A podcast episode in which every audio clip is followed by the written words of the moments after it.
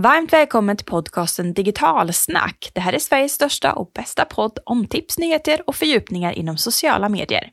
I det här avsnittet ska vi prata om nya sociala mediekanaler att hålla koll på.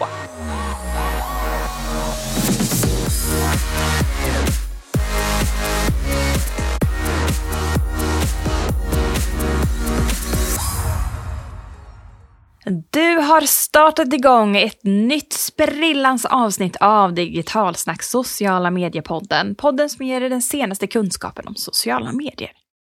Och i det här avsnittet så ska vi prata om några nya sociala medier att hålla koll på, eller i alla fall skryta om att man har koll på dem, kanske i fikarummet och sådär. Mm, jajamän, och det här avsnittet är ju också lite för min egen del, för att liksom catcha upp. Jag har varit lite off på grund av föräldraledighet.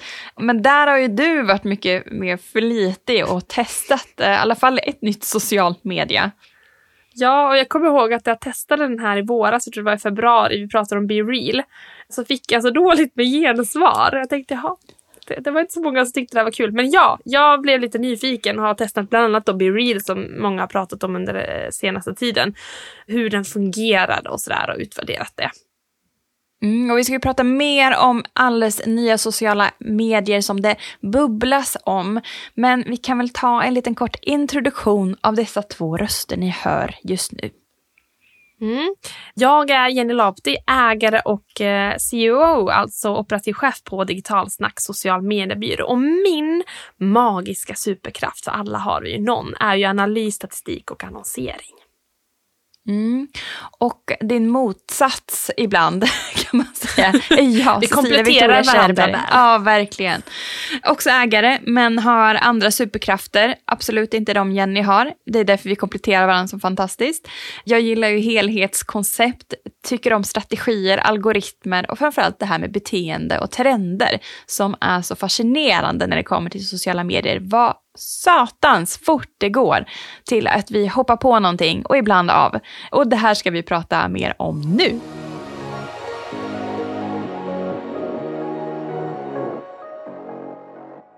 Be real, Roblox, Discord, Supernova. Mm, det här är kanske några du hört talas om eller så är det ekar det tomt i huvudet och du har inte hört om de här tidigare. Mm. Några kanske har hört talas om Periscope, Wine, Ello eller Clubhouse. De ringer kanske en klocka. Och det här är ju sociala medier som snabbt tagit en plats och fått hög popularitet, men som kanske lika snabbt ibland har försvunnit. Periscope till exempel var ju Twitters eh, livesändnings som fick jättemycket uppmärksamhet. Men sen så släppte Facebook sin livesändning och då då bara tvärdog liksom Periscope.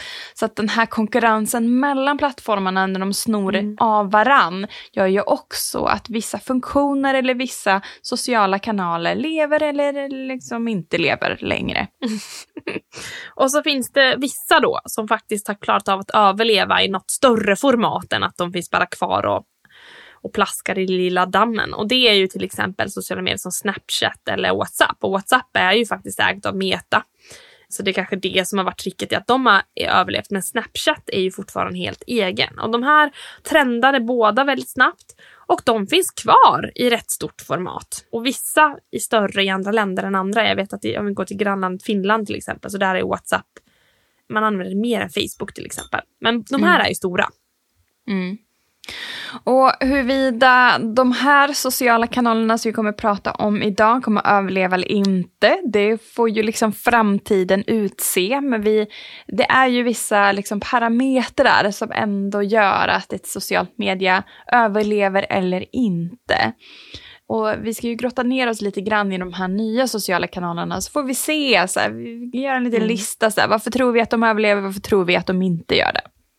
Vi får ju ofta frågan, kommer till exempel Facebook att finnas kvar om fem år? Eller vilket sociala medier kommer vara nästa hit och så vidare.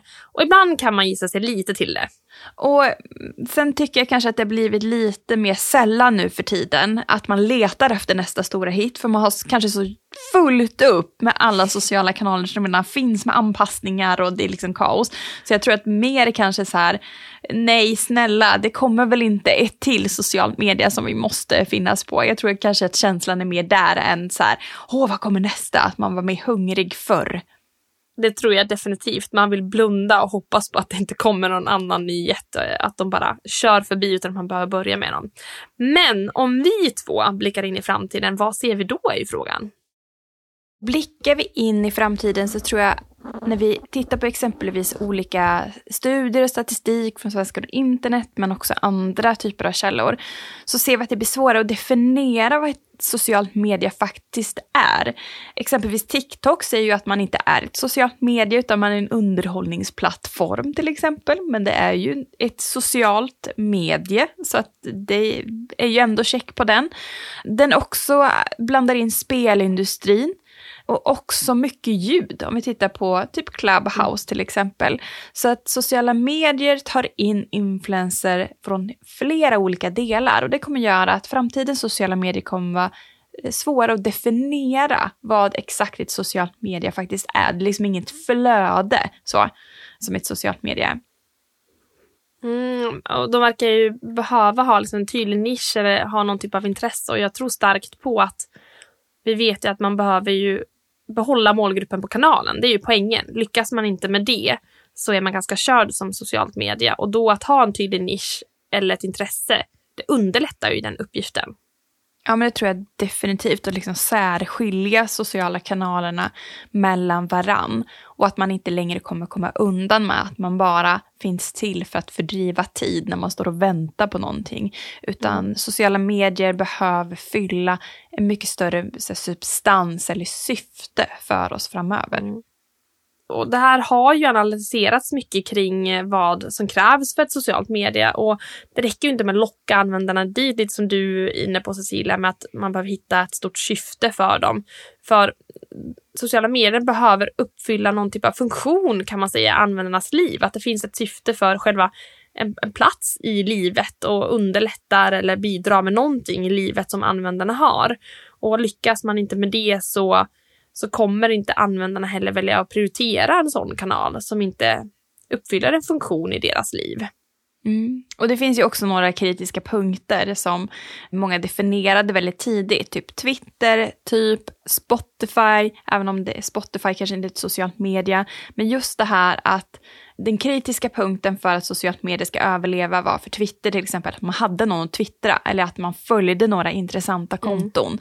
Så så fort du startar ett Twitterkonto idag så kommer den ju ge, eller egentligen alla sociala medier, så kommer den ge tips endera på personer som, som är stora konton som många intresserar sig av att följa och att du ska börja följa dem och att du ska connecta med din liksom, kontaktlista för att direkt se vilka som är på plattformen. Så det är liksom den första kritiska punkten att du faktiskt ska ha någon att liksom skicka eller ta del av mm. innehåll kring. Men sen kommer just det här som du pratar om, den här nischen. Och ett socialt media som har en väldigt tydlig nisch är ju BeReal som du dykte in i somras mm. och liksom testade. Snälla berätta, liksom, vad är BeReal? Eh, vad tyckte du om dem? Vad, hur funkar den? Ja, jag kan börja med att jag såg BeReal ganska hårt. Men vi kan börja med grunden, vad är BeReal? BeReal går ju ut på att man ska vara mer verklig helt enkelt, som appen säger BeReal. Och så då har de en funktion att det går ut aviseringar till dig som användare när det är dags att publicera ett inlägg så att säga. Och det innehållet i sig går ut på att du tar två bilder. Det, det tas en bild med främre kameran och en med bakre kameran. Och du ska ta den inom x antal minuter från att aviseringen, att du har fått aviseringen. Annars kommer det stå att det varit sen med publiceringen. Och poängen med det här är ju att du ska inte hinna fixa allting så här eh, fotoskikt och att det ska se bra ut. Utan det är verkligen där och då du tar den här bilden. Problemet blir ju hur intressant är det att titta på folks toagolv eller när folk sitter på bussen eller annat som folk gör när de här aviseringarna dyker upp? Det är liksom ett problem. Det kanske är jätteintressant om det är typ Kim Kardashian eller någon annan kändis som använder det. Men hur många kändisar vill bjuda på den typen av innehåll på en app? Jag vet inte. Jag, så jag tyckte att dels det att flödet blir väldigt tråkigt på sitt sätt. Sen det andra är de här det, och vi kommer komma in på att, att sociala medier är ganska tätt eh, kopplat till spel och liksom den typen av gamification.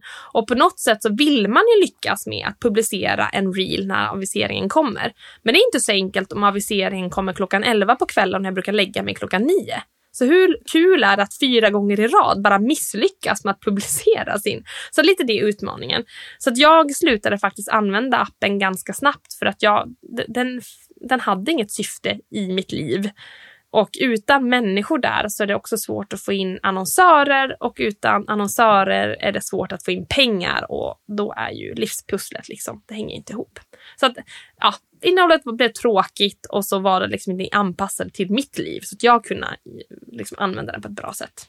Men jag tänker också så här, känslan av när man använder någonting är ju att man ska bli upplyft eller inspirerad eller du vet. Mm. Och om appen får en att känna sig misslyckad så är ju inte det ett ja. gott betyg att fortsätta öppna appen. Att man varje gång säger, ja ah, men du lyckades inte idag heller, tråkigt, här Nej. får du en ny chans. Och sen fjärde gången, det är klart att man tröttnar på det. Men ja, vad skulle du säga är de bra sakerna med appen som kanske gör att den kommer bli långkörare? Men om man tänker att det inte skulle vara traditionellt socialt media där man har någon typ av flöde eller inspirationskanal. Om man tänker mer att det skulle kanske bli ett komplement till Messenger eller WhatsApp. I form av en dialog man har med nära vänner och liksom grupper med vänner och så vidare. Då kanske man skulle kunna utveckla och det blir någonting som hänger kvar länge. Att man i sin vänskapskrets. För vi vet ju om att ett tag fanns det ju på Snapchat och det är säkert fortfarande många unga som inte vill förlora sin streak. Och streaking kan gå ut på att man tar foto på sitt ben. Och om folk gör det i så här 400 dagar i rad, ja men då har ju faktiskt Be Real också en chans. Men då behöver man ju komma bort från att det ska vara kanske traditionellt socialt media och tänka mer att det här är någon typ av vänskapsband och kanske fokusera på gamification och lösa det där med att man kan lyckas. Att man som användare kan lyckas så att man inte känner sig som en misslyckad. Då, då tror jag att den har chans att finnas kvar. Sen är ju det lite jobbigt att den här funktionen är så lätt att kopiera och andra har ju redan börjat kopiera. Så att frågan är ju hur tufft det sen är att försöka konkurrera med de här stora jättarna som kan ha så mycket annat utöver den här funktionen. Mm, det är sant. Är det TikTok som har kopierat den här eller vilket socialt medie? Det finns det på har... Instagram också möjligheten här med dubbelkameraeffekten. Sen har man inte aviseringarna idag. Så att, eh, och, men de håller på att experimentera kring det. Så mm. lanseras mm. det så, så är det. På TikTok finns det nu idag. Mm. Men eh, jag gillar den här när du pratar eh, Snapchat streak. Jag har en streak på mm. 1211 dagar. Den vill man ju inte liksom fila på. Det är jag och min brorsa som har snappat mm. fram och tillbaka över tre års tid. Så mm, det är också en liten så trigger som man behöver bygga in mm. i de här sociala kanalerna som gör också att det är lite roligt att dela det där innehållet. Men vad skulle du säga, nu har du sagt ganska många saker som gör att den inte kommer att överleva. Och du pratade ju om de här pushnotiserna framför allt och det, det är ju liksom mm. grunden till att man misslyckas på plattformen eller med socialt media eller känner sig misslyckad. att den kommer i fel tidpunkt. Men jag tänker att det är en teknisk grej som egentligen är ganska enkel att lösa tror jag. Så att, mm. så här liten grej. Mm. Ja, nej, men det är kul ändå. Jag tror många användare är ute och suktar efter mer äkthet. Så de är ju liksom på spåret på någonting. Och jag hoppas mest att okej, okay, det är helt fine för mig att den här inte lyckas och överlever. Men jag hoppas att de andra stora jättarna, de kanske tar inspiration av det här och att vi kan få till mer äkthet i kanalerna. Mm. Och på tal om äkthet så kommer vi ju prata om det här i kommande avsnitt och det är en jätteviktig ingrediens i kommande innehållstaktik eller strategi på sociala medier. Så det får ni absolut inte missa. Men det här med äkthet och att man börjar liksom tröttna på den här fejkade världen som vi möter i sociala medier. Det är ett annat socialt media som börjat tisslas och tasslas och växt upp ur den här misären av fantastiskt putsat innehåll. Har du hört talas om Supernova? Innan det här poddavsnittet så hade jag faktiskt inte det. Nu nämnde jag den på listan i början av avsnittet så jag känner ju till att det finns nu men jag kan inte så mycket om det. Så tell me more! Mm. Jag kan inte säga så mycket heller för att den här appen har inte släppt i Sverige.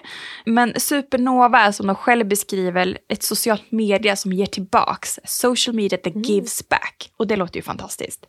Ja, helt rätt i tiden känns det som ju. Mm. Och för det som är unikt är ju att vissa annonsintäkter på det här socialt media, alltså Supernova, vi vet inte hur mycket. Det fanns en procentsats först som var typ så 11 procent, men sen så har man liksom inte, har man tagit bort den.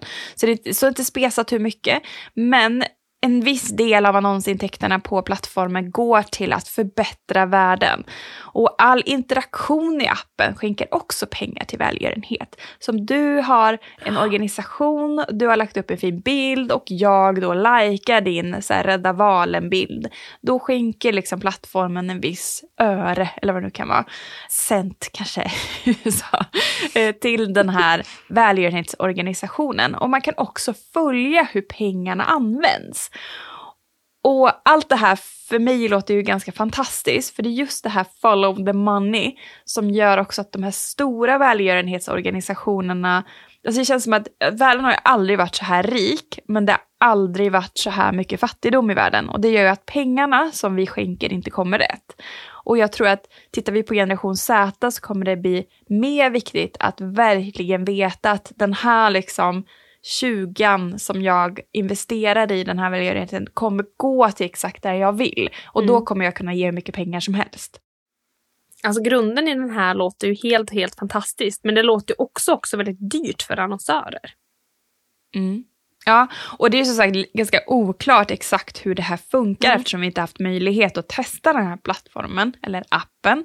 Men det känns ju väldigt så här, fint och syftesdrivet och framförallt mm. väldigt så här, socialt media, framför allt när de också säger att de ska moderera det här liksom, plattformen 24-7 av riktiga personer. För andra sociala kanaler har ju löst det här genom att ha liksom, en AI funktion, artificiell intelligens, som då skannar igenom först allt innehåll och sen kanske mm. det kommer till en riktig person som då förhoppningsvis har en bra moralisk kompass och kan tycka do and don't för innehållet. Men här har man då sagt att det ska vara riktiga personer som modererar allt innehåll på plattformen. Vad tänker du kring det? Jag tänker bara att det, det blir ett intressant pussel för dem att lösa. eh, hur det rent ekonomiskt skulle funka med att anställa så många som kan gå igenom innehåll. Men det kanske kan finnas folk som gör det av, vad vet jag, av rent eh, ideellt intresse också. När det är den här typen av plattform. Så det kanske finns en lösning. Löser de det, att de får det att gå ihop så tycker jag, ja men det låter nästan too good to be true. Men som sagt, det är ju kanske lite utmaningar att få det att hålla också. Ja, men jag tänker den ena som vi nämnde tidigare, LO. Det är ju en, eh, ett socialt media som hade syftet att vara reklamfritt men då fick de ju inte in pengar och det var därför den eh, dog. Och här tänker jag också att det kan bli lite utmaningar i att få det ekonomiska pusslet att gå ihop. Men annars tänker jag att den har ju väldigt stor potential. Eller vad tänker du? Varför skulle det här kunna bli liksom nästa stora, stora socialt media? Ja, men det ligger rätt i tiden, rätt i konceptet och så tänker jag för en generation Z som är väldigt villig att satsa på världen. Om de bara vet att pengarna går rätt. Och kan man hitta mm. den transparensen så tror jag definitivt att man har någon vinning i det.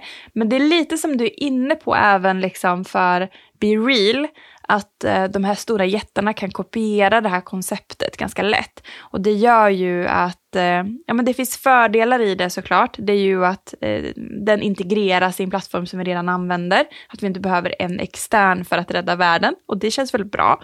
Men eh, ja, rätt i tiden, rätt koncept tycker jag. Mm, och det här eh, har ju släppts i USA och inte i Sverige. Men tror vi att den kommer komma över Atlanten till Sverige? Och det är väl om det här affärskonceptet inte riktigt går ihop. Just det här med liksom skänka pengar, hur mycket transparensen till vart pengarna går. För det blir ju extra viktigt när man säger att det här ska gå till välgörenhet, att det faktiskt gör det. Det kan ju finnas att någon annan köper upp det och sen så har man det som koncept mm. utåt mm. men så försvinner pengarna någon annanstans. Alltså det krävs otroligt mycket god vilja för att det här affärskonceptet ska gå runt. Och det känns som att det finns så mycket regelverk och annat eh, just nu med spårning av data. Så varför skulle det inte heller vara spårning av pengar om man nu påstår det ena eller det Mm. andra. Så Mm. det kan nog vara en utmaning att komma in i EU med något sånt här också tänker jag. Mm. Ja, och just att och eh, det är det enda syftet, att det är en app som vi, vi räddar världen i. Som sagt, den kanske kan integreras på Instagram eller TikTok så kanske den gör Mm. större nytta och större liksom bang än om den har en liksom separat app som man måste gå in. För det kanske blir för snävt att man inte tycker att den är så härlig att liksom öppna och använda. Att det inte finns något syfte egentligen, är dagligdags. Men jag tycker ändå det här är nog en av de intressantaste sakerna vi på bordet idag som är annorlunda på ett annat sätt. eh, Alltså som har liksom ett större syfte än bara ny funktion. Så superkul att diskutera just det här i vår podd tycker jag. Mm. Och vi pratade ju lite också kring eh, sociala medier, ändra lite format, lite liksom eh, vad sociala medier är. Och framförallt så sociala medier kombinerat i spel. Och den har ju förundrats. Vi hade ju eh, Global Web Index på internetdagarna för några år sedan. Och då pratade ju han Chase om att det senaste inom sociala medier, trender som vi ser är att det här med spel kommer explodera på sociala medier. Och vi är ju där, det tog ju typ två Mm. år, så är vi där. Och exempelvis är ju Roblox som används av hela 26 procent av 8-12-åringar dagligen. Så det är galet. Mm, och en annan är Twitch och den har man ju pratat om väldigt, väldigt länge. Där folk eh, gamar och streamar när de spelar helt enkelt som är sociala och framförallt mer populärt i den manliga målgruppen. Mm. Och vad kan vi säga liksom om sociala medier och eh, spel? För det växer ju upp massvis med social Mm. media-appar just nu som inkluderar de här två. Eller de växer ur ett community som blir ett socialt media. Ja, och jag tänker så här att spel, om man kollar på bakåt, att, att gamea, om vi, om vi tänker den typen av spel och inte brädspel utan verkligen så här digitala spel. Så det har ju varit socialt väldigt länge. Att köra rollspel är ju ett socialt typ av spel, men nu blir det liksom en mer merge med sociala medier.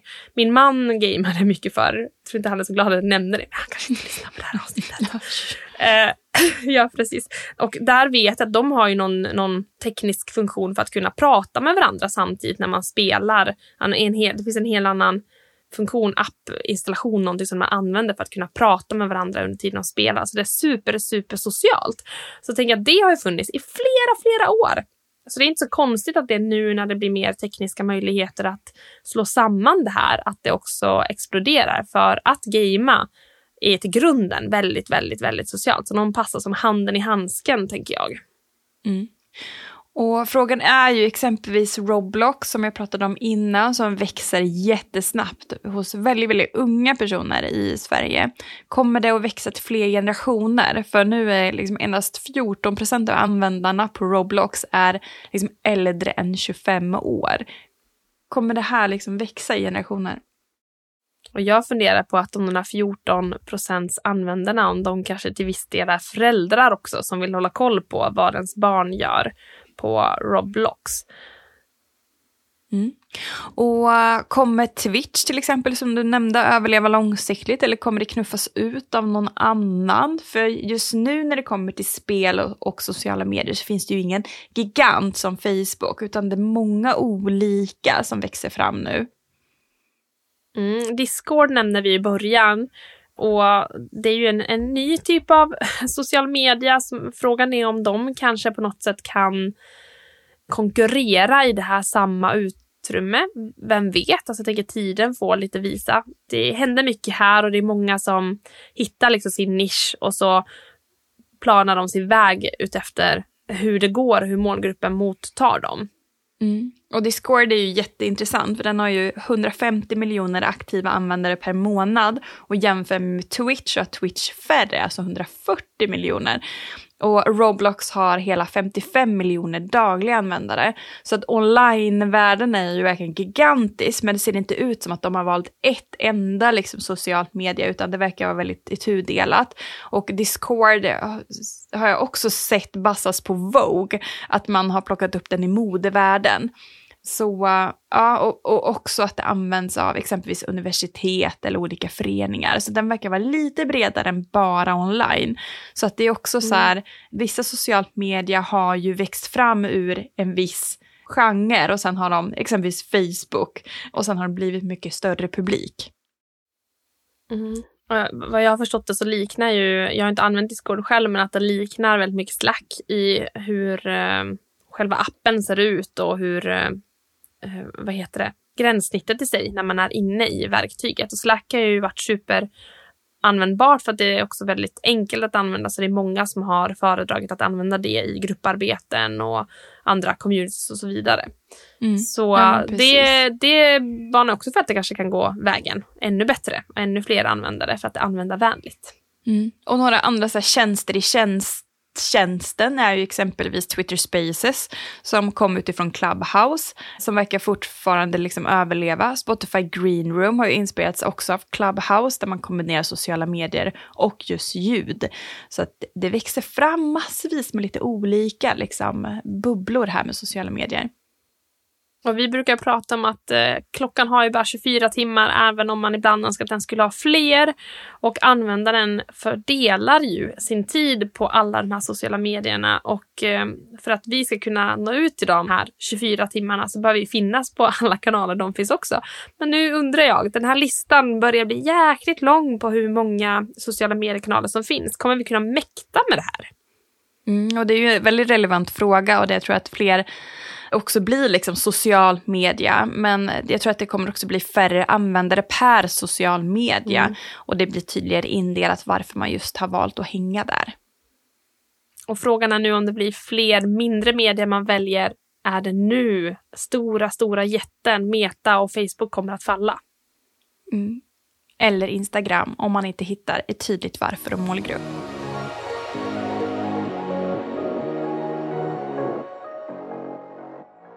Ja, sociala medier kommer och går. Bara det som anpassar sig bäst består.